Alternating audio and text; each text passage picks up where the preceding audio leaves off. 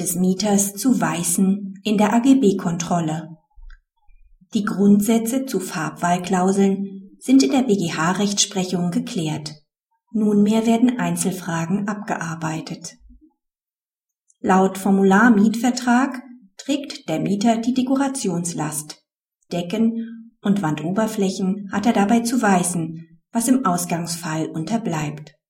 Am Mietende verlangt der Vermieter Schadensersatz. Vor dem BGH scheitert er mit der Durchsetzung seines Begehrens. Ein Schadensersatzanspruch gegen den Mieter wird ihm versagt, weil die Abwälzungsklausel infolge übermäßiger Benachteiligung unwirksam ist. Sie nimmt nämlich nicht auf den Abnutzungsgrad der Dekoration und eine sich daraus ergebende Notwendigkeit zur Renovierung Rücksicht.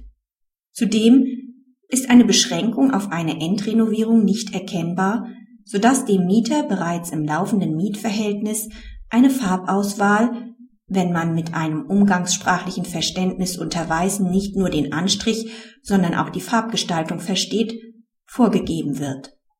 Darin liegt ein nicht hinzunehmender Eingriff in persönliche Lebensumstände des Mieters. Praxishinweis.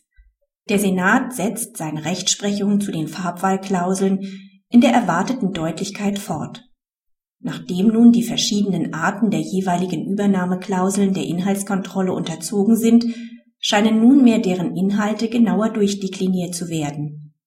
Für Vermieter bleibt festzuhalten, dass nach der aus der Rechtsprechung des BGH erkennbaren Tendenz alle Regelungen, die die persönlichen Lebensbereiche des Mieters zumindest auch während des bestehenden Mietverhältnisses betreffen, voraussichtlich unwirksam sind